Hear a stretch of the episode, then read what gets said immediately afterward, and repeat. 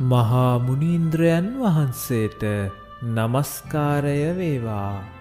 වෙන්වගිය අතීතය හා නොපැමිණි අනාගතය තුළ මිනිසුන් මානසිකව ජීවත්වෙති. අතීතයට හා අනාගතයට පණඇතැයි සිතන ඔවුන් ඒ තුළ වින්දනයක් සොයයි.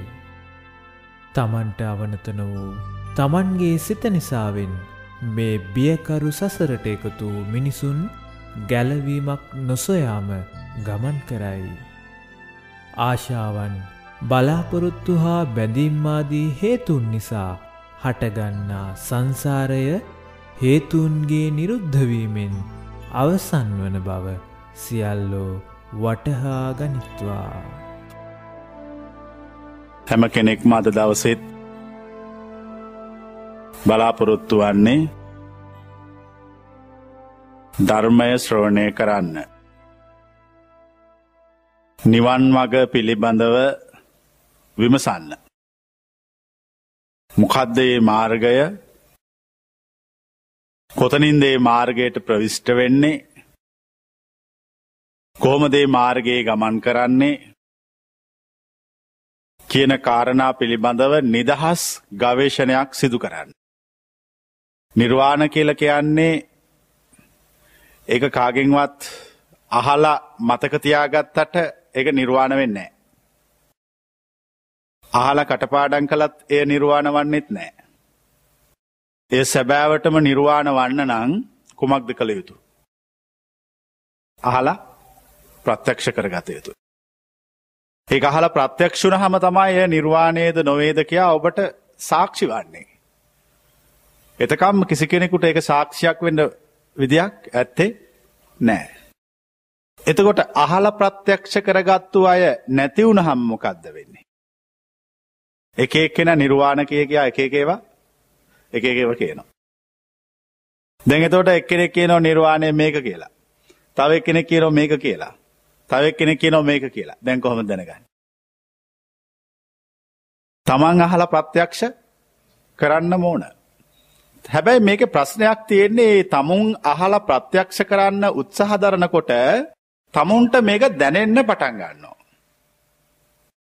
ඒ දැනෙන්න පටන් ගන්නකොට තමයි එතනින් අපිට කල්පනා වෙනවා එහෙනම් මේක කරුළඟද තිබිල තියෙන් අපි ළඟ තිබිච්ච එක. එතවට අපිට ගවේශණය කරන්න වෙන දැන් කවුරු ගැනද. අපේ ඇතුලාන්තය ගැනමයි. අපේ ඇතුලාන්තේ ගවේශණය කරගෙන යනකොට ඔය කියන අවබෝධය මාර්ගය එලිවෙන්න පටන් ගන්නවා. දැන් අපි අවබෝධයට යන මාවත එක එක කණු අපි සාකච්ඡා කොන්නවා. අදත් මම අවබෝධයට යන මාවතේ එක කණුවක් ඔබට පෙන්වනවා. ඒ තමයි සංසාර කියන වචනය. දැන් හැමෝම ඔය වචනේ අහලා තියෙනවද නැද්ද? සසර. දැන් මං අහන්නේ මොකද්ද සසර කියලා? මොකද්ද සසර? දැන් අපි සසර කියලා අහුවාම අපි විවිධාකාරයේ උත්තර දෙනවා. අපි කියනවා ගිය ආත්මෙ මෙහෙම ඉපදිලා හිටියා. අපි ඉස්සරහට ලබන ආත්මෙ මෙහෙම උපදිනවා. අපි මේ ආත්මෙ මෙහෙම උපදිනවා කියලා මං අහන ප්‍රශ්නය.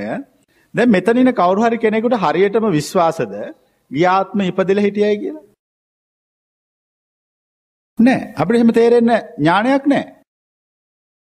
ඊළඟට මෙතන ඉන්න කෙනෙකුට හරියටම විශ්වාසද මැරිලා ආය උපදීද නැද්ද කියලත්. එහෙම ඥානයකුත් නෑ. එහෙනම් මොකක්ද සසර. එතකොට අපි කිව්වොත් අපි ගියාත්ම හිටපු විදිය මේ භවයේ ඉන්න විදිය ලබනාත්ම ඉන්න විදිය සසරයි කියලා ඒකෙන්ම අපි බොරුවක් කියන්නේ නැද්ද? ඒකෙන්ම අපි බොරුවක් කියනවා. මොකද කියන බොරුව? බොරු දෙකක් කියනවා. එක නෙවෙයි. ඈ නොපෙනෙන පැවැත්මක් පිළිබඳව නොදකපු පැවැත්මක් පිළිබඳව නොතේරෙන පැවැත්මක් පිළිබඳව තේරෙන පණ්ඩිතයෝ වගේ කතා කරන්න යනවා. ඒ වැරදි. ඒ වැරදි. එහෙම වෙන්න බෑ. මේ කියන ධර්මය ප්‍රායෝගික ධර්මයක්. මේ කියන ධර්මය සෛද්ධාන්තික ධර්මයක් නෙවේ මොකද මේ ප්‍රායෝගික ධර්මයකයි සෛද්ධාන්තික ධර්මයකයි වෙනස. සෛද්ධාන්තික ධර්මයක් හැමතිස්සෙම විශ්වාසයෙන් පිළිගන්නවා. ද අපි මෙතන ඉන්න කාට හරි කියනවා මේ ලෝකය සර්වබලධාරී දෙවියෙක් මැව්වයි කියලා පිළිගන්න කියලා. පිළිගන්න කියනවා. විශ්වාස කරන්න කියනවා. ශ්‍රද්ධාවෙන් පිළිගන්න කියනවා. එය සෛද්ධාන්තික ධර්මයක් දයි ප්‍රායෝගික ධර්මයක් දයි අසමේ. එය සෛද්ධාන්තික ධර්මයකි. බුදුදහම සෛද්ධාන්තික ධර්මයක් සිද්ධාන්ත මත පදනම් වෙච්ච ධර්මයක් නෙවේ. බුදුදහම ප්‍රායෝගික ධර්මයක් ඒහි පස්සිකෝ ඕපනයිකෝ අකාලිකෝ පච්චත්තම් වේදි තබ්බෝ විඤ්ඥෝහි. තම තම නැන පමණින් දත යුතු දහමක්. එතකොට දහම කියන්නේ තම තම නැන පමණින් දත යුතු නං තම නැනට නොතේරෙනේව කියන එක දහම වෙන්න දහම වෙන්න බෑනි. ඇයි මේ මං වගේ හිතන්න ඇත්තව වෙලත්. අලුතෙන් හිතන්න පටන් ගත්තාම සසර තේරෙන්න පටන් ගන්නවා. දැන් එතකොට අපිට තේරෙනවා කෙනෙක් සසර මීට කලින් ඉපදිලා හිටිය කිව් කියන එක සසර වෙන්නත් බැහැ. අනාගතයේ උපදිනවා කියන එක සසර වෙන්නත් බැහැ මෝ මොකදේ දෙකම පිළිබඳ අපිට මේ මොහොතේ අදහසක් නෑ. මේ මොහොතේ අදහසක් ඇතිවෙන්න නම් අපි පුබ්බේ නිවාසානුෂ්‍යති ඥානය චුතූපපාත ඥානය ගැන ගැඹුරු ආධ්‍යාත්මීය තත්ත්වයන්ට ඥානයන්ට අපි පත්වෙල තියෙන්ට ඕන. නමුත් මේ ඉන්න කවරුවත් එහෙම පත්වෙලත් ඉති මඟහනි දැ මොකක්ද සසර කියලා. ඔය මොහොතමයි සසර. ඔය මොහොතමයි සසර. එතකොට මඟහන ඊළඟ ප්‍රශ්නය. මේ මොහොත මෙ මොහොත මෙවර්තමානය ගොඩනැකී ඇත්ත කෙසේද කියා. මෙ ඔබ ඉන්න ඔය මොහොත කුමක ප්‍රතිඵලයද. ඔබේ ඊළඟ ඊට කලින් මොහොතවල් වල ප්‍රතිඵලයකි. ඔබේ වර්තමානය ඔබේ අතීතය ප්‍රතිඵලයකි. වර්තමානය යනු අතීතයෙහි ප්‍රතිඵලයකි. ඒ වර්තමානය අනාගතයට ප්‍රත්‍යවේ. මං කියනදේ හොඳට ඥානයෙන් තේරුම් ගන්න බලන්න. දැ මෙච්චරකල් සසර කිය කියා අහුවෙලා හිටපු බොරුවෙන් මේ ගලවලා ඇස්පාදන්න හදන්නේ. හැබැයි ඇස්පාදන එක ටිකක් ලේසි නෑ. අපි දන්නෝ කවදක්කත් ඉස්කෝලෙ නොගියපු ඉස්කෝලයක් ගැන අහලා නැති කැලේ ජීවත් වෙච්ච වැදිලා මේ කල්ලල ඉස්කෝලයවන්න හැදවාම එක ලේසිද අමාරුද. දැන් ඔන්න ඕකයි සසර. එතකොට මේ සසර පිළිබඳව අපි නිරවුල් දැක්මක් ඇති කරගෙන තියෙන්න්න ඕන. නිරවුල් ඥානයක් අවබෝධයක් වැටහීමක්. එම නැත්තන් අප ආයමකක්ද වෙන එකේකේවට. අපි එකේකේවට අහුවෙනවා. එකේකේවට අහුවෙලිවෙල් අපි එකක් කෙන උගන්නනේ අපි සසරය කියලා මතක තියාගන්න. එතොට අපි මෙච්චර කාලයක් මේ සංසාරය කියල මතක තියාගෙන ඉන්නේ අපිට කවුරු හරි කියපුවා. අපිට කවුරට උගන්නපුවා. එතකොට අපිට කවරුහරි උගන්නපුව සසර කියල මතක තියාගෙන හිටියාම අපිට සසර ප්‍රත්‍යක්ෂ කරගන්න බැරි වෙනවා. එතකොට සසර ප්‍රත්‍යක්ෂ නොවෙනකොට අපිට නිවන් අවබෝධ වෙන්නේ නෑ. මෙතන ප්‍රශ්නයක් තියෙනවා. එනම් අපි ඉස්සෙල්ලම නිදහසේ සංසාරය ගැන කල්පනා කළ බලලා සංසාරය ප්‍රත්‍යක්ෂ කරගන්න ඕන. මන්දැන් අද කියන්නම් සංසාරය ප්‍රත්‍යක්ෂ කරන විදිිය. ඒක හොඳර ඥානවන්තව තේරුම් ගන්න උත්සාහ ගන්න අපි ඉස්සෙල කිව්වා වර්තමානයට අතීතය ප්‍රත්‍ය වෙලා තියෙනවා. අතීතය නිසා තමයි වර්තමානය බිහි වෙලා තිය. පිළිගන්නවද නැද්ද. පිළිගන්න සිද්ධ වෙනවා. පිළිගන්න සිද්ධ වෙනවා. ඒ ඔබ දැන් ගත කරන වර්තමානය ඔබේ අනාගතයයි. හරියට මේක ජලදහරාවක් වගේ. දිගින් දිගට ගමන් කරන ප්‍රවාහයක් වගේ. පීල්ලක වතුර ගලනෝ වගේ මේ දිගට ගලනවා. දැන් අපි මනස නිදහස් කරගෙන මනස්ස නිරවුල් කරගෙන නිරවුල් මනසින් සසර තේරුම් ගත්තොත් අපිට ලේසි ඔය සසරෙන් ගැලවෙන කවදක්කත් ඔය සසර තේරුම් නොගන්න කෙනෙකුට ගැලවෙන්න පුළුවන් වේද බැරිවේද. උත්තර දේ. ගැලවෙන් බෑ. හරිම නිවැරදි සසර මොකක්ද කියලා තේරුම් ගන දැන් ඔගොල තවම සසර කියලා විශ්වාස කරන්නේ ඔගොලොට විශ්වාසයෙන් උගන්නපු එකක්. හැබැයි ඒක ඔගොල දන්නෙත් නෑ. ඔගලන්ගේ ආත්තල මුත්තල අම්මල නත්තල පනත්තල හත්මුතු පරම්පරාව කවරුවත් ඔය කියන සසර ගැන දන්නෙත් නෑ මං අදෝගොලන්ට කියල දෙනවා සසර ප්‍රායෝගික ජීවිතය තුළ අත්විඳින විදිිය. දැන් අපිකව මොහොත සසරයි. මේ මොහොතමයි සසර. එතකොට මේ මොහොත නිර්මාණය වෙලා තියෙන අපි කලින් කරපු දේවල්ල ප්‍රතිඵලයක් ලෙස. දැන් එතකොට මමහන ප්‍රශ්නය මොහොත සසරනං ඇත්තටම මොහොතද සසර. නෑ මොහොත තුළ තියෙන්න්නාව සිතුවිලි සසරයි. දැන් තේරනොද මං කියන එක. චේතනාහං භික්කවේ කම්මං වදාමේ. සිතුවිලිමයි කර්ම. එතකොට වර්තමානය තුළ තියෙන සිතුවිලි ටික කර්ම බවට පත්වෙනවාද නැද්ද. පත්වෙනවා. ඒ කර්ම බවට පත් වෙනවා කියලා කියන්නේ අනාගතය හැදිලද නැද්ද. අනාගතය හැදිල තියෙනවා. එතකොට ඒ වර්තමානයේ තිබිච්ච සිතුවිලි කර්ම බවට පත් වනානේ. ඒ නිසා අනාගතයක් හැදුනනේ දැන් එතකොට ඔබට තේරෙන් නැද්ද ඒ සිතුවිලි නිසා ඉස්සරහට තවතව යන්න සිද්ධ වෙනවා. ඒනම් සසර කියන්නේ මොකද. සිතට පහළ වෙන සිතුවිලි සමුදායමයි. සිතට පහළ වෙන සිතුවිලි සමුදායමයි සසර. දැන් එතකොට සිතට පහළ වෙන සිසුවිලි සමුදායනන් සසර දැන් අපි සසරහි කෙලවර සොයමු. බලන බලන්න අතීතය දෙස. බලාගෙන බලාගෙනයන්. කෙලවරක් පෙනේද නොපෙනේ දය අසම. අනමතක් ගොයම් භික්කවේ සංසාරෝ පුබ්බකෝටි න පඤ්ඥායන්ති. මහනෙන සසරෙහි කෙලවර නොපෙනේ. දැන් මෙතනින්න කාටහරි කියන්න පුළුවන්ද මම මේ හිතන්න පටන්ගත්තය අහවල් වෙලා විඳලා මං ඊට කලින් හිතන් නැතුව හිටිය කියල හෙම කාටහරි කියන්න පුළුවන්ද ඒගැන හිතන්න පටන්ගත්ත කියන සසරට ප්‍රවිෂ්ට වෙච්ච වෙලාව.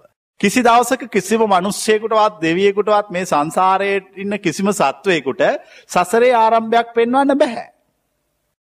කවරුවර කෙනෙක් සසරේ ආරම්භයක් සොයන්න යනවනං ඔහු අත්ත නෝමතිකයි. ඔහු විඩාවකට පත්වෙනවා. ඔහු අතර මම් වෙනවා. කවදක්ත් මේක ආරම්භයක් සොයන්න බැහැ පටන්ගන්මක් සොයන්න බැහැ පැවත්මක් විතරයි පෙන්න්න පුළුවන්. ඒකයි බුද්ධ භාෂිතය ඉතා පැහැදිලිව තියෙන්නේ සසරට මුලක් කියන්න බෑ. හැබැයි සසර නවත්තන්න නවත්තන්න පුළුවන්. ද අපට තියෙන ප්‍රශ්නය මේ නවත්තන ක්‍රමය කොහොමද අපි හොයාගන්න කියන එක.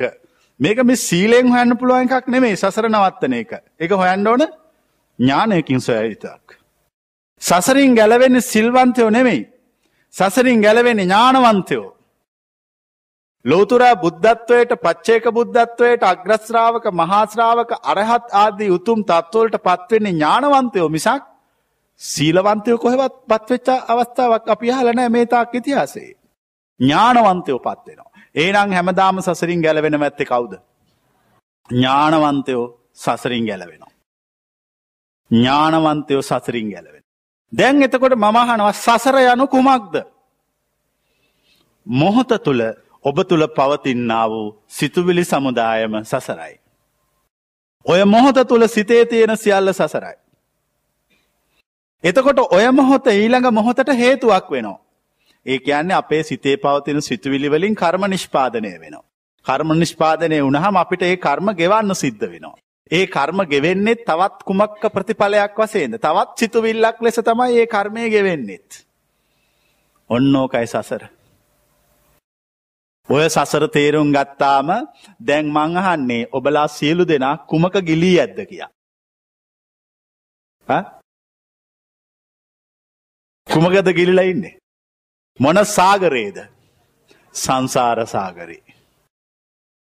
දැන් අපිට පෙරභවය ගැන අදහසක් අවශ්‍යද සසර ගැන කිය නෑ. මතු භවය ගැන අදහසක් අවශ්‍යද සසර ගැන කියන්න ඒත් නෑ. මේ මොහොත අපිට ප්‍රමාණවත් සසර තේරුම් ගන්න. මේ මොහොත දිහා සිහියෙන් බලං හිටියාම මේ මොහොත දියා අවධානයෙන් බලං හිටියහම අපිට සසර ගැන වැටහෙනවා. දැන් අපි උත්සාහවන්ත වෙන්න ඕන කොහොමාරි මේ සංසාරය කියන එක තේරුම් ගන්න දැම්ම මතකතයා ගන මේ සසර හරි භයානකයි. ඇයි මේකට වැටුනොත් වැටිලන ඉන්න ඔක්කොමය මඟහන ප්‍රශ්නය. ඔබ සසරට වැටී ඇති බවට සාක්ෂියකුමක්. උත්තර දෙන්න මඟහන ප්‍රශ්නවලට. ඔබ සසරට වැටී ඇති බවට සාක්ෂියකුමක්ද. සිතෙහි සිතුවිලි පැවතීමම සාක්ෂියයි. සිතෙහි සිතුවිලි නැවැත්වීමට ඇති නොහැකියාවම දෙවැනි සාක්ෂියයි. සිත නිදහස් නොවෙච්ච බව තුන්වැනි සාක්ෂියයි. නිවන් අවබෝධ නොකළ බව සිව්වැනි සාක්ෂියයි. සාක්ෂි හතරක් කිව්වා. දැඟනම් කුමකට වැටිලා දෙන්නේ සසරට වැටිලා. දැන් එතකොට සසර කියන්නේ මොකක්ද. තමන්ගේ සිතේ සිතුවිලි පහළවීමමයි. ඒ මොහොතමයි. ඒ මොහොතේ සිතට දැරෙන සිතුවිලි ටිකමයි. ඒ සිතුවිලි ටිකමයි ඊළඟ මොහොතේ සිතුවිලි හදන්න ප්‍රත්‍ය වෙන්නේ. මෙතන පවතින්නේ මොන දහමක්ද? හේතුඵල දහමක්. හේතුව ඵලය. හේතුව වෙන්නේ ඊට කලින් සිතුවිල්ල. ඵලය වෙන්නේ නව සිතුවිල්ලක්. නව සිතුවිල්ල හේතුව වුණාම තවත් සිතුවිල්ලක් ඒකට ඵලයක් ලෙස උපදිනවා. දැන් මං අහන්නේ මේක නවතින්නේ කොහෙන්ද? මේක ඉවර කරන්නේ කොහොමද? මේකෙන් ගැලවෙන්නේ කොහොමද? දැන් තේරෙනවද මේක හරි භයානකයි කියලා? තාම තේරුන්නේ නැහැ. මේක හරි භයානකයි. මේකෙන් ගැලවෙන්න ඕන.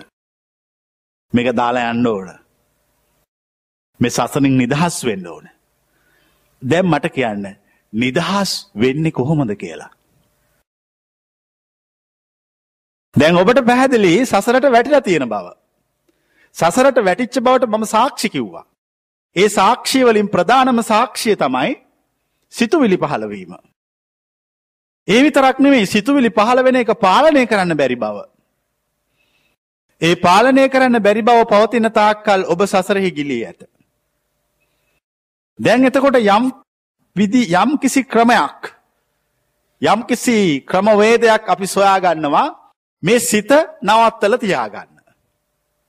දැන් ඔහුගේ සසර ගැන තියෙන අදහසකුමක්ද. අපි හිත මොකක් හරි ක්‍රමයක් කවරුවර සොයාගත්ත ඥානයෙන් ගවේශණය කරලා සිත නවත්තල දාන්න. එතකොට එයා සිත නැවැත්තුවාම සිත නැවැතිලා ඒ කියන්නේ සිතුවිලිත් සිතත් සිතුවිලිත් කියන දෙකම එයා නවත්තල දාලා. දැන් මං එයාගේ සසර ගැන ප්‍රශ්න කරනවා. හා? එයාට සසරක් නැහැ. දැන් එයාට සසරක් නැහැ. එතකොට එයා කරන්නේ සසරක් නැති නිසා ජීවත් වෙනවද නැද්ද? ජීවත් වෙනවා මොහොත තුල. මොහොත තුල විතරයි ඉන්නේ. ඒ මොහොත ඊළඟ ඊළඟ අනාගතයට ප්‍රත්‍යවවී ගමන් කරන දිගුකාලීන පැවැත්මක් ඒගොල්ලෝ විනාශ කළා. අන්න ඒගොල්ලෝ තමයි මාර්ගඵල අවබෝධ කරපු අය. දැන් අපි කොමාරි ගවේෂණය කරලා හොයාගන්න ඕනේ මේ සසරෙන් ගැලවෙන ක්‍රමයක්. දැන් මට සසරෙන් ගලවන්න බෑ මේ කවුරුවත්. මට එහෙම හැකියාවක් නැහැ. මට පුළුවන් සසර ගැන කියන්නත් මෙහෙම එකක් බව තියෙන බව පෙන්වන්නත් මෙන්න මේමයි මෙතනින් ගැලවෙන්න කියලා කියන්නත් මට ඒ ටික කියන්න පුළුවන්. තමුන්ට කැමති නම් ගැලවෙන්න පුළුවන්. නැත්නම් ඇලවෙන්නත් පුළුවන්. දෙකම ඕන එකක් කරගන්න පුළුවන්. ඊටාම ඥානවන්තව ගවේෂණය කරලා ගැලවෙන්න ඕන. දැන් පැහැදිලි වුණානේ අපි ඔක්කොම මේ ඔක්කොම යම් කිසි කෙනෙක් චතුරාර්ය සත්‍ය නිවන් අවබෝධ නොකරන තාක්කල් ඒ සියල්ලෝම මේ සසරෙහි සාමාජිකයෝ. බුදු දේශනා මෙහෙම තියෙනවා. මහණෙනි මමත් ඔබත් මේ චතුරාර්ය සත්‍ය ධර්මය අවබෝධ නොකරන තාක්කල් මේක ගියා. එහෙනම් මේකෙන් ගැලවෙන්න නම් ක්‍රමය මොකද්ද? මේ සසරින් ගැලවෙන්න ඕන. සසරින් ගැලවෙන්න කියන්නේ මේ උපදින එකෙන් ගැලවෙනවත් මැරෙන එකෙන් ගැලවෙනකවත් නෙමෙයි. ඒක තියෙන ඉස්සරහා. ඉස්සෙල්ලටම පුළුවන් වෙන්න ඕන ඔබට ඔබේ සිතෙන් ගැලවෙන්න. සිතුවිලි නැතුව ඉන්න. සිතෙන් ගැලවීමමයි සසරින් නිදහස් වීම. ඔබේ සිතෙහි පාලනය මේ වෙනකොටත් තමන් ළඟ නෙමෙයි තියෙන්නේ. සමහරලාට තමන් ජීවිතේ අකමැති දේවල් වලට සිතුවිලි පහළ වෙනවා. එහෙම වෙනවද නැද්ද? ඉතින් බලන්න ඉතින් තමුන්ට නම් සිතයිති සිතෙහි අයිතිකාරයක් තමන් නම් තමුන්ට අකමැති දේවල් වලට සිතුවිලි පහළ වෙන්න බෑනේ.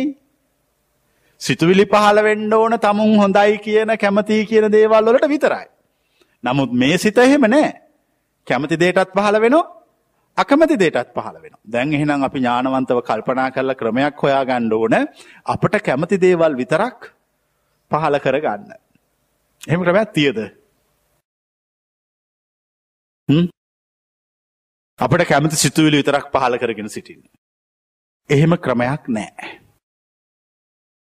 අපට කැමති සිතුවිලි පහර කරගන්න ඕන කියලා අදහස තියෙනකොටම ඒ කියන්නේ අකමැති සිතුවිලි ටිකකුත් එහි තිබිලා තියෙනවා. මං කියන්නම් ක්‍රමයක් ඔය දෙකම අත්තරින එක. කැමැත්ත අකමැත්ත අත්තරලා දාලා නිදහසේ ඉන්න. එතකොට ඔබට සසර තේරෙනවා. සිතුවිලි ජනිත වීම තේරෙනවා. සමහරුන්ගේ සසර හරි ඉක්මන්. සසර ඉක්මන් කියන්නේ මොකද්ද? හරි වේගෙන් සිතට සිතුවිලි ගලනවා. සිත වේගවත් වනාම සිතේ සිතුවිලි වේගේ වැඩි වුනාම සිතට දැනෙන්නේ සහනයක් ද අසහනයක්. අසහනයක් දැනන අතුස්සන්. සිතුවිලි වේගේ වැඩිකම නිසා සිතට අසහනයක් දැනෙනවා. දැන් මේ හැමෝම බලාපොරොත්තු වෙනවා ඒ අසහනෙන් මිදෙන්න ගැලවෙන්න. දැන් කොහොමද ගැලවෙන්නේ? දැන් එතකොට තව කෙනෙක් ඉන්නවා සිතට සිතුවිලි ඊටාම හෙමින් එන. එතකොට එයා ඉන්නේ සහනෙන්ද අසහනෙන්ද? ඒත් අසහනයකින් ඉන්න. මොකද එයාගේ සිතට සිතුවිලි එන්නේ නැති නිසා අසහනයකින් ඉන්නවා. එක්කෙනෙක් සිතට සිතුවිලි වැඩිවීම නිසා අසහනෙන් ජීවත් වෙනවා. තවත් කෙනෙක් සිතට සිතුවිලි නැතිවීම නිසා අසහනෙන් ජීවත් වෙනවා. මේ දෙකොල්ලෝ අන්ත දෙකක ජීවත් වෙනවා. දැන් එතකොට අපි කරන්න ඕන මේ අන්ත දෙකෙන් සිත මුදා ගන්න ඕන. සිත මුදා ගත්තම සිත සම්පූර්ණ නිවීමකට සැනසිල්ලකට ශාන්තියකට පත් වෙනවා. එතකොට එයා සසරේ නිදහස් වෙලා. සසරේ ඉන්න තාක්කල්ම දිගට මේක යන්න සිද්ධ වෙනවා. දැන් අප කියවල බලන්න සංයුත්ත නිකායේ අනමතග්ග සංයුත්තේ අස්සු සූත්‍රය බුදුන් වහන්සේ මහා සාගරය ළඟට ගොස් එහි ජලය පෙන්වා භික්ෂූන්ට මහණෙනි ඔබලා ඔබලාගේ මවගේ මරණය වෙනුවෙන් හැඬූ කඳුළු මේ සංසාර පැවැත්ම තුළ එකතු කොලා නං මේ මහා සාගරයට වඩා වැඩි. විය හැකිද නොහැකිදයි කියාසනවා. විය හැකි මොකද සසර භයානකයි ගැඹුරුයි කෙලවරක් පේෙන් නැති නිසා. සිතන එක කෙලවර කරනකොටම තමයි සිතීම අවසං වෙනකොටම තමයි සසරින් නිදහස්වීමකට අවස්ථාව සැලසෙන්නේ. සිතන එක අවසන් නොකොරන තාක්කල් සසරින් නිදහස්වීමක් සිදුවෙන්නේ නෑ. ආය පබ්බත සූත්‍රය. වේභාර වේපුල්ල පබ්බත බුදුන් වහන්සේ භික්‍ෂූන්ට පෙන්වා මොකක්දහන්නේ කියන්නේ දේශනා කරන්න. මානෙන ඔබලාගේ හිස්කබල් එකතු කොලෝතින් මේ සසරේ ඉපදිච්ච කල්පයක් තුළ මේ පරෝතයට වඩා විශාලයි. අපි දන්න ඉන්දියාව තියෙනනේ මහා පර්වත පහක් ඒ එකක්නේ වේභාර පර්වතය ඊට වඩා විශාල. ඒ ඇන සසර මොකක්ද. සසර කෙලවරක් නෑ. මේක ඉවරයක් නෑ. මේක දිගුකාලීන පැවැත්මක් තියෙනවා. මේකෙන් ගැලවෙන්න ක්‍රමයක් අපි කල්පනා කර ගණ්ඩ ඕන. ඒ ක්‍රමයක් කල්පනා කල්ල හෙව්වේ නැත්තං අපිට දැනවා විශාල අසහනයක් විඩාවක් දුකක්. මං මේ කියන්නේ කෙටි ක්‍රමයක් ඒ දුකෙන් නිදහස් වෙන්න. දැන් එතකොට මේ සසරෙන් නිදහස් වෙන්න පුළුවන්ද බැරිද. පුළුවන්. ඉස්සෙල්ලම තමුන් තමුන් කෙරෙහි විශ්වාසයක් ඇති කරගන්න ඕන මේ කියන සසරෙන් මට නිදහස් වෙන්න පුළුවන් කියලා. ඉතිහාසය ඉඳලම මේ හැමෝටම පොඩි කාලෙ ඉඳං ඉගැන්නුව සසරින් ගැලවෙන්න බෑ කියලා. බෑ කියලබන කිව්වේ. මොකද උගන්නපු අය ගැලවිච්ච නැති නිසා. එහෙම එකක් නෑ. අරිය පරියසන සූත්‍රය මෙහෙම තියෙනවා. සිද්ධාර්ථ බෝධිසත්වයන් වහන්සේ බුද්ධත්වයට පත් වෙලා නෑ එතකොට. උන්වහන්සේ මෙහෙම හිතනවා. ආලාර කාලා මුද්දක රාම්පුත දෙස බලා. ආලාර කාලාමයෝ සත්වනි ධ්‍යානය ඉපැද්දුවා. තාම මට සත්වනි ධ්‍යානය උපදවල නෑ. මටත් ආලාර කාලාම වගේම ඥානය තියෙනවා. මට ශ්‍රද්ධාව තියෙනවා. මට වීරිය තියෙනවා. ඇයි මට ඒ වීරිය ශ්‍රද්ධාව ඥානය පාවිච්චි කල්ලා ආලාර කාලාම වගේ වෙන්න බැරි ඇයි. උන්වහන්සේ අලුතෙන් හිතන්න පටන් ගත්තා. හිතල ආරාල කාලාම වගේ වුණා ඒ කියන මොකද කළේ උන්වහන්සේ. සත්‍ය නිධානය ඉපදවා. ඉරි පස්සේ උද්දක රාම පුත්තත් දැක්කා. දෙකා බැලු අයාක ඔයා අටවැනි දිහානය ඉපදවා කියලා. එතර උන්වහන්සේ කල්පනා කරනවා මටත් ශ්‍රද්ධාව තියෙනවා. ආරාල කාලාමටත් සද්‍රාව තියෙන. මටත් වීරිය තියෙනවා. මොහුටත් වීරිය තියෙනවා. මටත් ඥානය තියෙනවා. මොහුටත් ඥානය තියෙනවා. මොහු ඒ ඥානය වීර්ය ශ්‍රද්ධාව පාවිච්චි කලා. පාවිච්චි කළ මොකද කළේ. සත්වනි දිහානය ඉපදවා. මොහු සත්වනි අටවැනි දිහාන ඉපදවා. මොහු අටවිනි දිහාන ඉපදවා නං ඇයි මට බැරි අටවිනි දිහානය උපදවන්න කියලා උන්වහන්සේ එකත් ඉපදවා. කියවනාරිය පරේෂණ සූත්‍රය ඒ කියන්නේ පුළුවන්. එතෙක් කලක් සමාජය විසින් බෑ කියල සම්මත කරපුදේ පුළුවන් කියල පටන් ගත්තා. මම කියන්නේ සසරින් නිදහස් වෙන පුළුවන්. නිවන් දකින්න පුළුවන්. නිවන් දකින්න බැරිනං ඔහෙලා මනුස්සයෝ නෙවෙයි. වෙන මොකුන් හරි ජාතියක්. නිවන් අවබෝධ කරන්න බැරිනං අමුතුම සත්තු ජාතිය. මොකද සියලුම බුදුවරු මනුස්සලෝක පහළ වෙන්නේ. දිවිය ලෝක කොච්චර තිබ්බත් බ්‍රහ්ම ලෝක කොච්චර තිබ්බත් හැම බුදු කෙනෙක්ම මනුස්ස ලෝකයේ ඇවිල්ලා මනුස්ස ශරීරයක් දරාගෙන බුද්ධත්වයට පත් වෙයි. ඔවුන් කිසිවෙක් දේව ශරීර වලින් මනුස්ස ලෝකෙට වැඩම කරන්නේ නැහැ. ඔවුන් කිසිවෙක් දෙවියෝ දෙන ආහාර නෙමෙයි වළඳන්නේ. කවුරුද නේවද වළඳන්නේ? මිනිස්සු කන ආහාර උන්වහන්සේලා වළඳන්නේ. උන්වහන්සේලා ජීවත් වෙන්නේ මිනිස්සුත් එක්ක. උන්වහන්සේලා නිදාගන්නේ ඇවිදින්නේ කරන්නේ මිනිස්සු සාමාන්‍ය මිනිස්සු කරන දේවල් ටිකමයි. බුදු කෙනෙකුගේ එකම වෙනස අතිසියුම් තවත් කෙනෙකුට ගෝචර නොවෙන්නා වූ පෘතුූල වූ ගම්බීර වූ ඥානයක් තිබීමමයි. චරයි. ඒ ඥානයට තමා ගෝචර වෙන සසරින් යන්න පුළුවන් කියලා. ඒ ඥානයට තමයි ගෝචර වෙන සසරින් ගැලවෙන්න පුළුවන් කියලා. ඉතින් මංහනේ ඥානය ඔහෙලට නැද්ද කියලා. අංගුත්‍රනිකාය සූත්‍රයක් තියෙනවා අට්ටක නිපාතය අක්කන සූත්‍රය කියලා. මේ අක්කන සූත්‍රයේ දේශනාව පැහැදිලි කරලා තියෙනවා සසරින් නිදහස්වීමට බලපාන කරුණු අටක්. යම් කිසි කෙනෙක් ප්‍රේතලෝක ඉපදුනොත් එයාට සසරෙන් නිදහස් වෙන්න බෑ.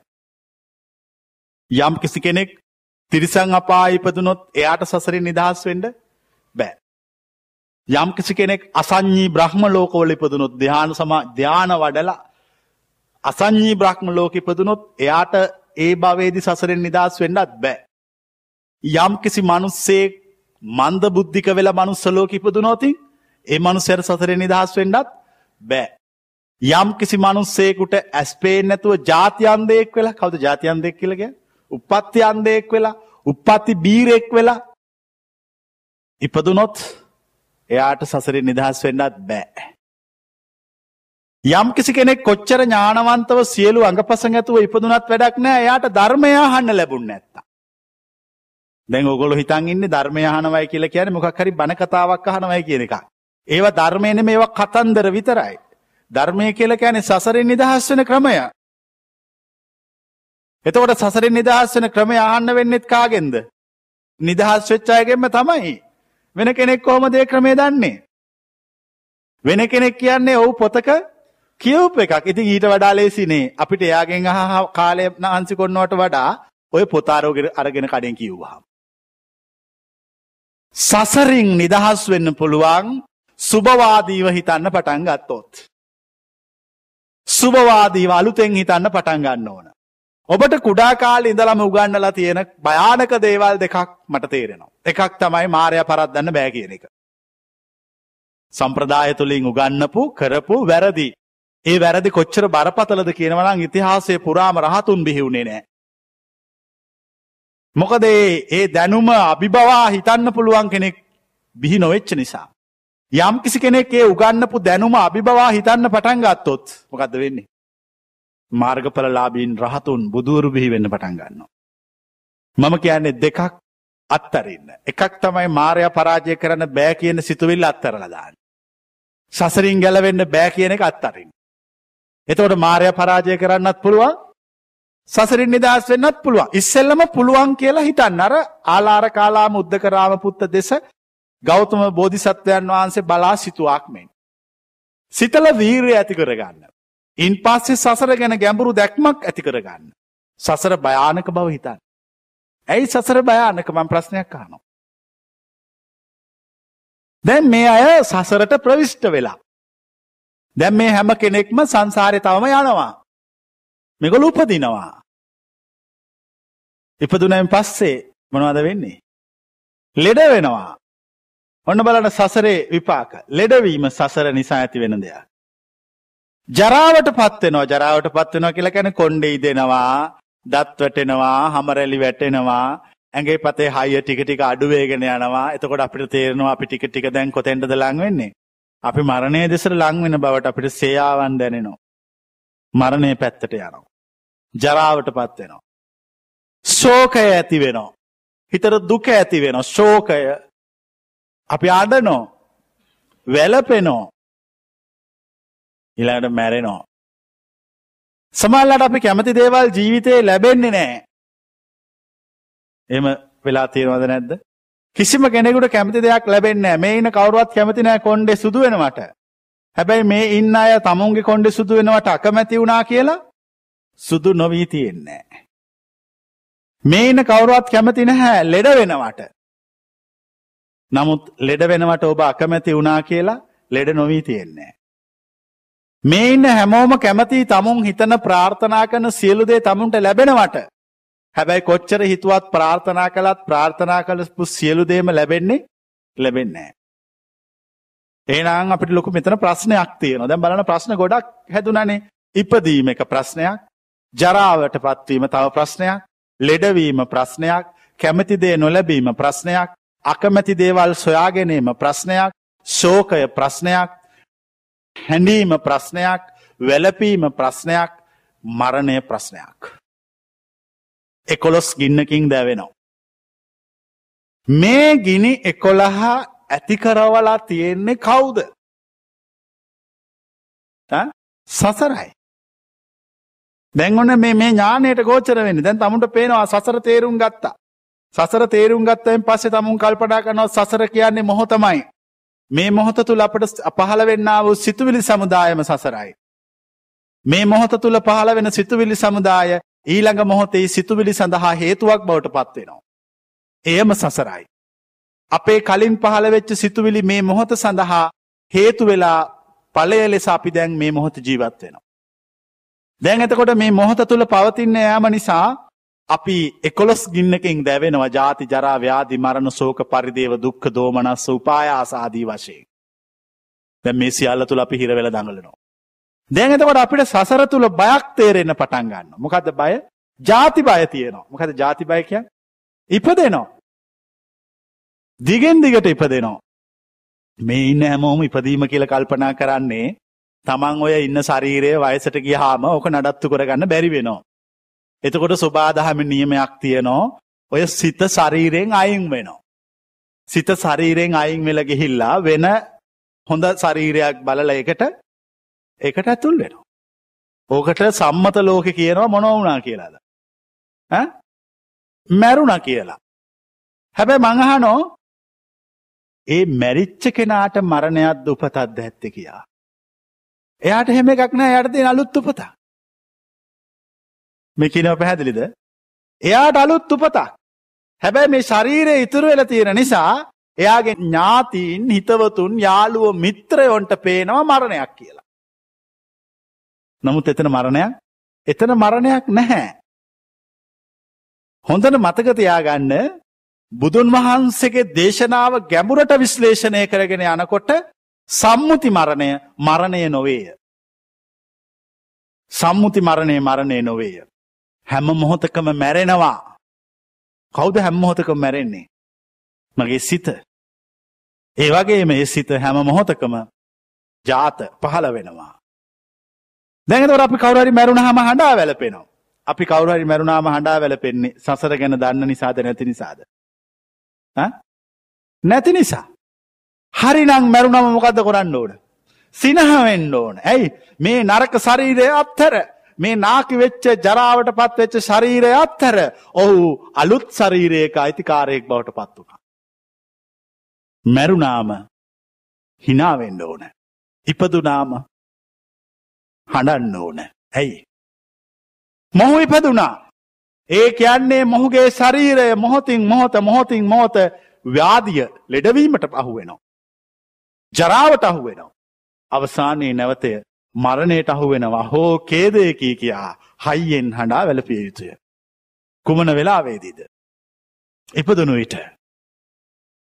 අහෝ සිතාම සතුටක් දැනය කියා කිව යුතුය ඔහු මිය ගිය විට. මක්නිසාද. ඔහු අලුත් උපත කයිතිකාරයෙක් වූ බැවිනි.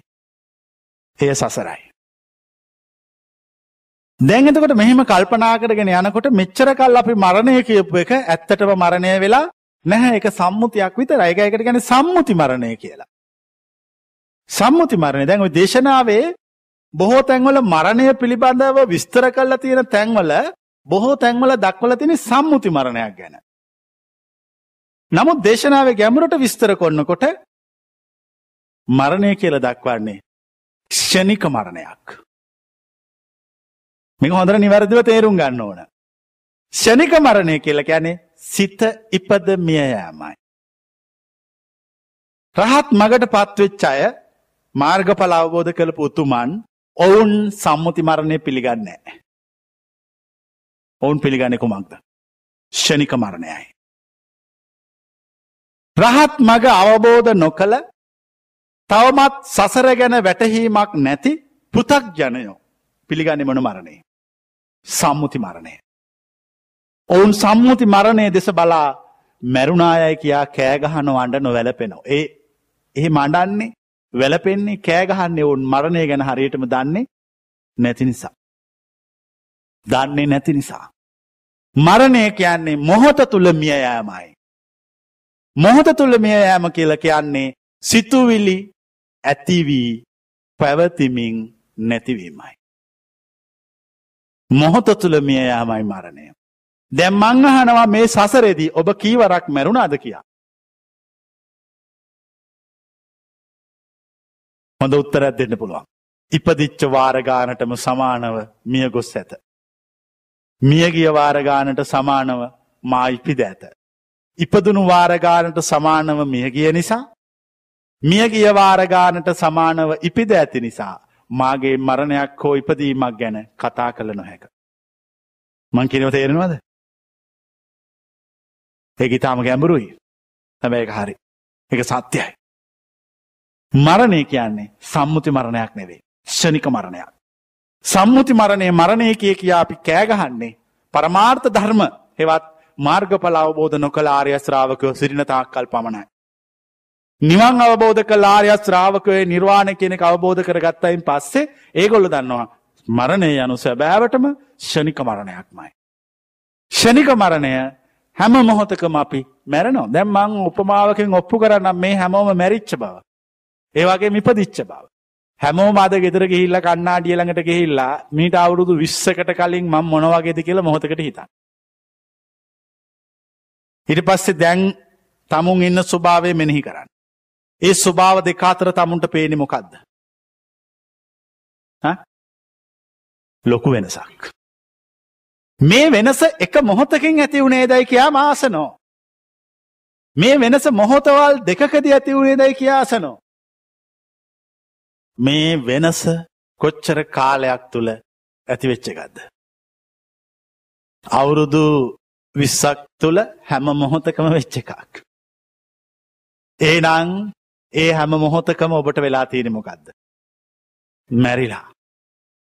ඒ හැම මොහොතකම නැවත වෙලා තියෙන මොකක්ද. ඉපදිලා.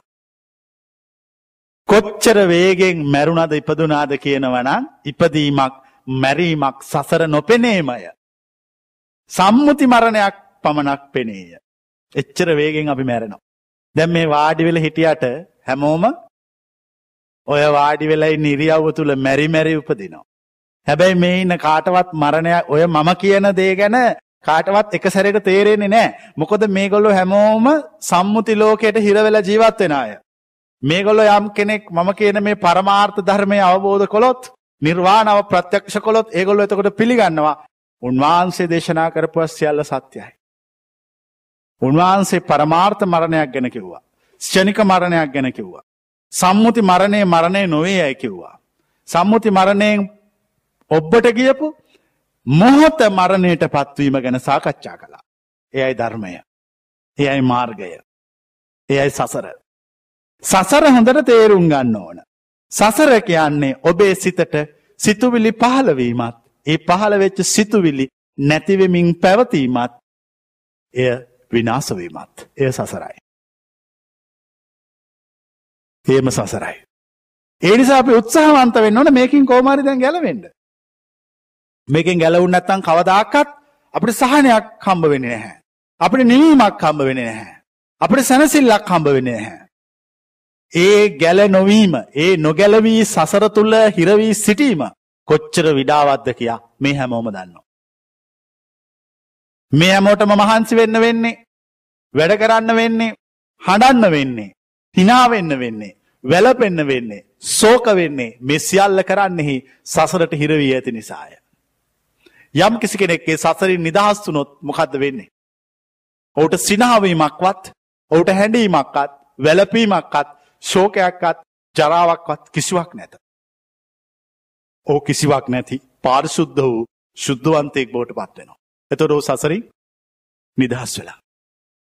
දැන්ඒ නම් අපි මොකක්ද ගවේශණය කරන්න ඕන. සසරින් නිදහස් වෙන ක්‍රමයක්.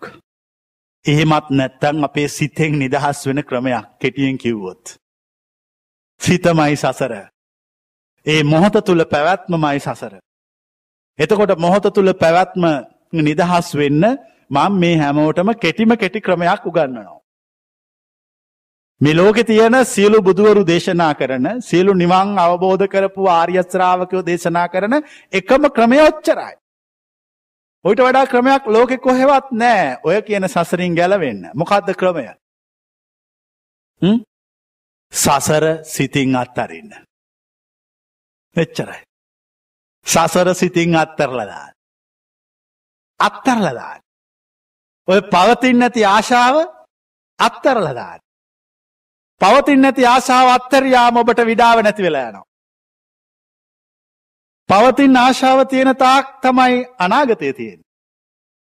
පවතින් ආශාව තියෙන තාක් තමයි අතීතය පවතින්. පවතින් නැති ආශාව අත්තරල දාපු ගමන් ඔහු සදාකාලිටම සංසාරයෙන් නිදහස් වෙච්ච උත්තමයෙක් බවට පත්වෙනවා. දැන් එතකොට මංහනවා මොකක්ද සසරින් ගැලවෙන්න තියෙන ලේසිම ක්‍රමය. අත්තරීම හෙවත් නිස්සරණය. නිස්සරණයට පත්වෙනවා.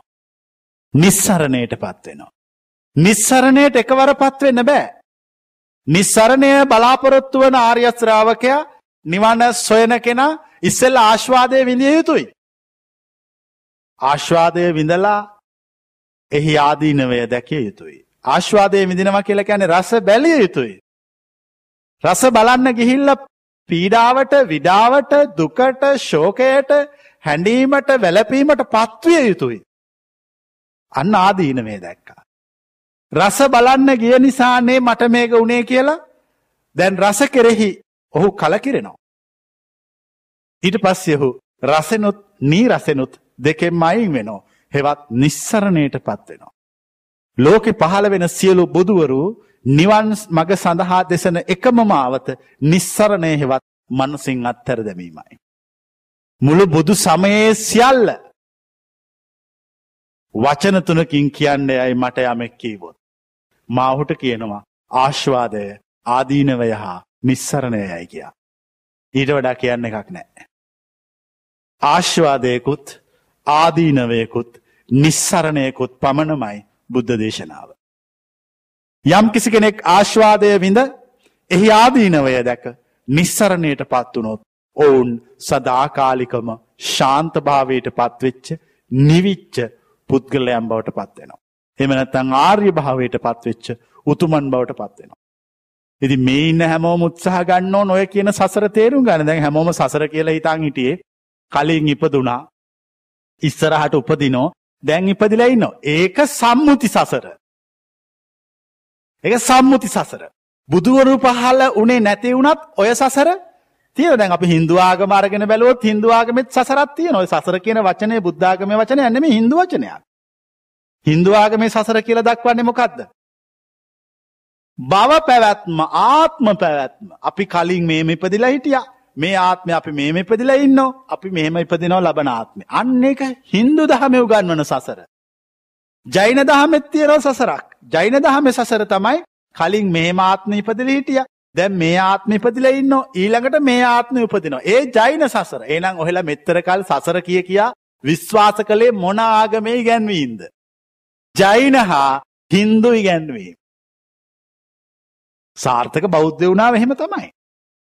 ඔක්කොම ජෛනව ගැන්නීම් ටිකයි හින්දු ගැන්නීම් ටිකයි හොඳට මතක තියාගෙන බුදු හාමුදුරුවෝ කියපු ඔක්කොම මතක් කරලා දානවා. බලන් යනකොට බුද්ධ භාෂිතයේ තියෙන්නේ ගැඹුරු සසරක්.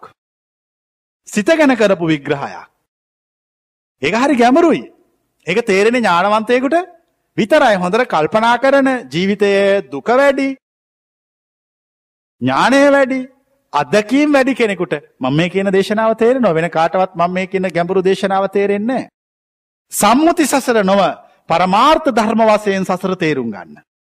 පරමාර්ථ ධර්ම වශයෙන් තේරුම් ගන්න සසර යනු මොහොත තුල සිතුවිලි පහළවීමමයි. මොහොත තුළ සිතුවිලි පහළවීමමයි. මොහොත තුළ සිතුවිලි පහළවීමම සංසාරයයි. දැන් එතකොට කෙනෙකුට සංසාරයෙන් නිදහස් වෙන්න ඕන නං ඔහු නිදහස් විය යුත්තේ ඔහුගේ සිතෙන්. සිතේ සිතුවිලිවලින් සිතෙනුත් සිතුවිලිවලුත් නිදහස් වෙච්ච කෙනා සසරින් නිදහස් වී ඇත. ඔහු නිර්වාණය ප්‍රත්‍යක්ෂ කොට ඇත. ඔහු සම්මුති සසර නොව පරමාර්ථ සසර පිළිබඳව ඔහු අවබෝධක් ඥානයෙන් පසක් කොටගෙන ඇත. මෙච්චර කල් සසර සසර කිය කිය අපි කිව්වා. මෙච්චර කල් සසර භයානකයි කිය කියා අපි කිව්වා. හැබැයි අපි සසර කියන එකට දීපු තේරුම හින්දු ජෛන ආගංවල දීපු තේරුමමයි. අපි බුද්ධාගමේ දෙන තේරුම කවුරුවත් දැනගෙන හිටියේ නැහැ.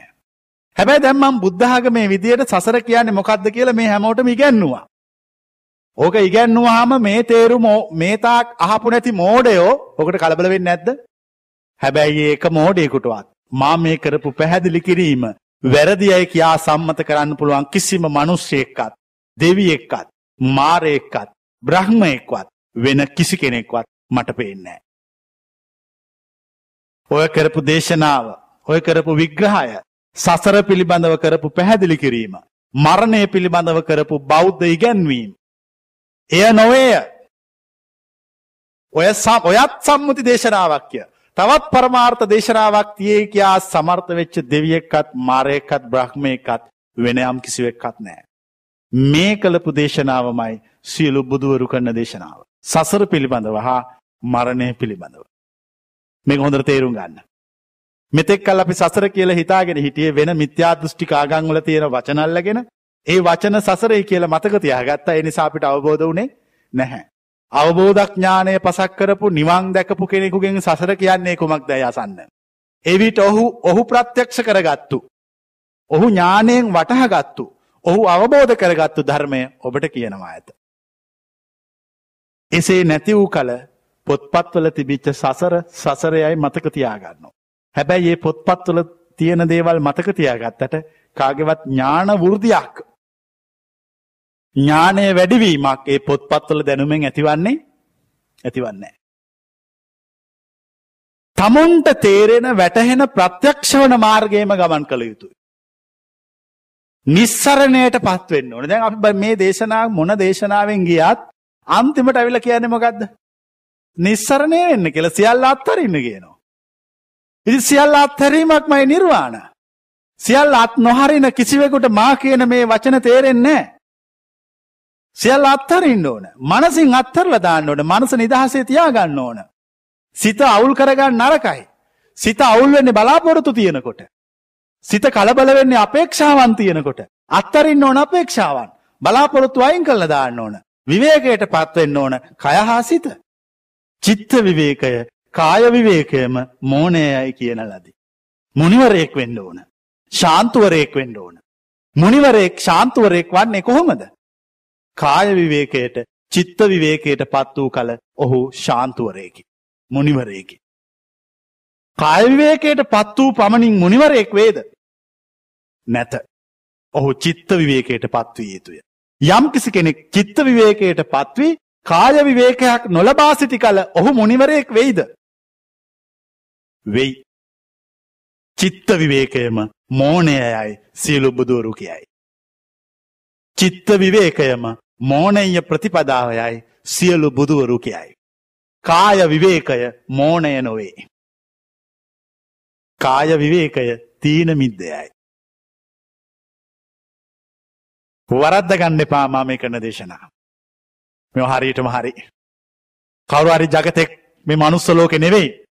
චාතුම් මහාරාජික දිව්‍යලෝකෙන් පටන්ගත්තාම යාමතු සිත නිර්මාණ රති පරනිම්මිත පරනිම්මිත වසවත්තේ මාරාදී සදිව්‍ය ලෝකයන් නිවසන දෙවියෙක් සිටී නම් මා මේ කියන දේශනාව වැරදිනම් මංගේ දෙවියන්ට පවා අභියෝග කරනවා. බ්‍රහ්මලෝකවලින් පටන්ගත්තාම අසංඥී තලේ දක්වා සිටින්නා වූ බ්‍රහ්මලෝක විශ්‍යම සිටින්නාව. සියලු බ්‍රහ්මයන්ට අභියෝග කරනවා. මෙයා මේ කරන දේශනාව බුද්ධ භාෂිතය නොවේ නම්. අවබෝධක් ඥානය පසක් කළ කෙනෙක් මරණය පිළිබඳව සසර පිළිබඳ දකින විදිිය නොවේ නම් ඔවුන්ට ඇවිත් කියන්න ඇ කියා. සිටීනම් කියන්න ඕන මිට වඩා වෙනස් සත්‍යයක් ලෝකෙ පවතිනම්. මේ කියන සත්‍යමයි ලෝකයේ පවතිනාව එකම එක සත්‍යය. මෙතනින් එහාත් සත්‍යයක් මේ මනුස්සලෝක සිටින කිසිවකුට කිවන හැක. මේක තමයි එකම සත්‍යය. එනිසා මේක හරියට තේරුම් ගන්න. මේක හොඳට ප්‍රත්‍යක්ෂ කරගන්න උත්සාහ ගන්න. තමන්ගේ ඥානයනු ප්‍රත්‍යක්ෂ කරගන්න ඕන. වචනැහුව කියලා නිවන් අවබෝධ වෙන්න. ඒ වචන තමුන්ගේ මනස තුළ යථාර්ථයක් බවට පත්වෙනකොට අවබෝධක් ඥානය පහළ වෙන්නේ.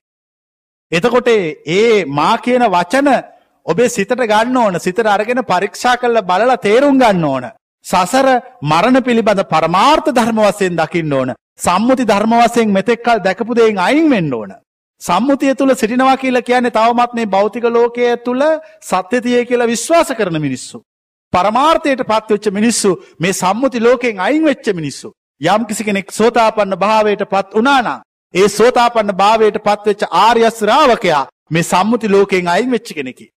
ඒ සම්මුති ලෝකයෙන් ඔහු අයින් වෙන විටම ඔහුගේ අවබෝධක් ඥානයට පරමාර්ථ වූ එකම වූ ලෝකයක් පිළිබඳ ඔහුට දැක්මක් ඇතිවන්නේය. ඒ එකම ලෝකය තුළ දැකීම ඇති වුණාම. ඒ ලෝකය තුළ තියෙන්න්න වූ ස්වභාවයෙන් ඔහු පරමාර්ථ ලෝකය ප්‍රත්‍යක්ෂ කරගනින්. සියලු මගඵලලාභ යුතුමන් පරමාර්ථ ධර්ම දනිති. ඒ පරමාර්ථ ධර්ම සම්මුති ලෝකයේ තුළ තියෙන්න්න වූ සම්මුති ධර්මවලට වඩා වෙනස්ය. සම්මති ලෝකයේ සියල්ල සත්‍යය කියල හිතාගෙනන්න මිනිහෙකුට. පරමාර්ථ ධර්ම කියනකොට. ඒ මිනිහට දාඩිය දානෝ. කලන්තෙ දානෝ. වෙවුලල යනෝ. ඇයි. මීට කලින් ජීවිතය කවදක්කත් මෙවැනි දහමක් අසා නැත. මෙවැනි දෙයක් අසා නැත. පරමාර්ථ ධර්ම අසනකොට ඔහුට ඔහුගේ ජීවිතය පිළිබඳ කලකිරීමකුත් ඇති වෙනවා. කුමක් දැති වෙන කල්කිරීම. මෙතෙක් කල් බොරුවකට මායාවකට මුලාවකට හසුවී පැවතුනායය කියා ඔහුට කලකිරීමක් ඇති වෙනවා. ඒ ඇති වෙන කලකිරීමම ඔහුට පරමාර්ථ ධර්මය සාක්ෂාත් කොරවනවා. භෞතික ලෝකය තුළ සම්මුති ලෝකය තුළ කලකිරීමක් ඇති නොවන තාක් කල්ම ඔබට පරමාර්ථ ධර්ම සාක්ෂාත් නොවේය. යම් කිසි කෙනෙකුට පරමාර්ථ ධර්ම සාක්ෂාත් කිරීමට අවශ්‍යනම් ඔහු භෞතික ලෝකයේ මායාවක් මුලාවක් ඇති බව ප්‍රත්‍යක්ෂ කරගත යුතුය ඥානයෙන්. ඒ ඥානයෙන් ප්‍රත්‍යක්ෂ කරගත්තු කෙනා ඔය මා කියන පරමාර්ථ ධර්ම ප්‍රත්‍යක්ෂ කොට නිවන් අවබෝධ කරපු කෙනෙක් බවට පත්වෙනවා ඇත. හොකයි මාර්ගය.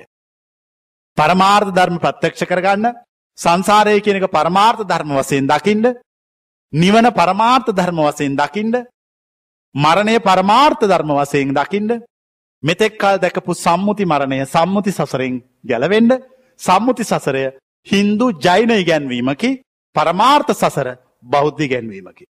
සම්මුති මරණය හින්දු ජෛන ඉගැන්වීමකි පරමාර්ථ මරණය බුදුවරුන්ගේ ගැන්වීමකි.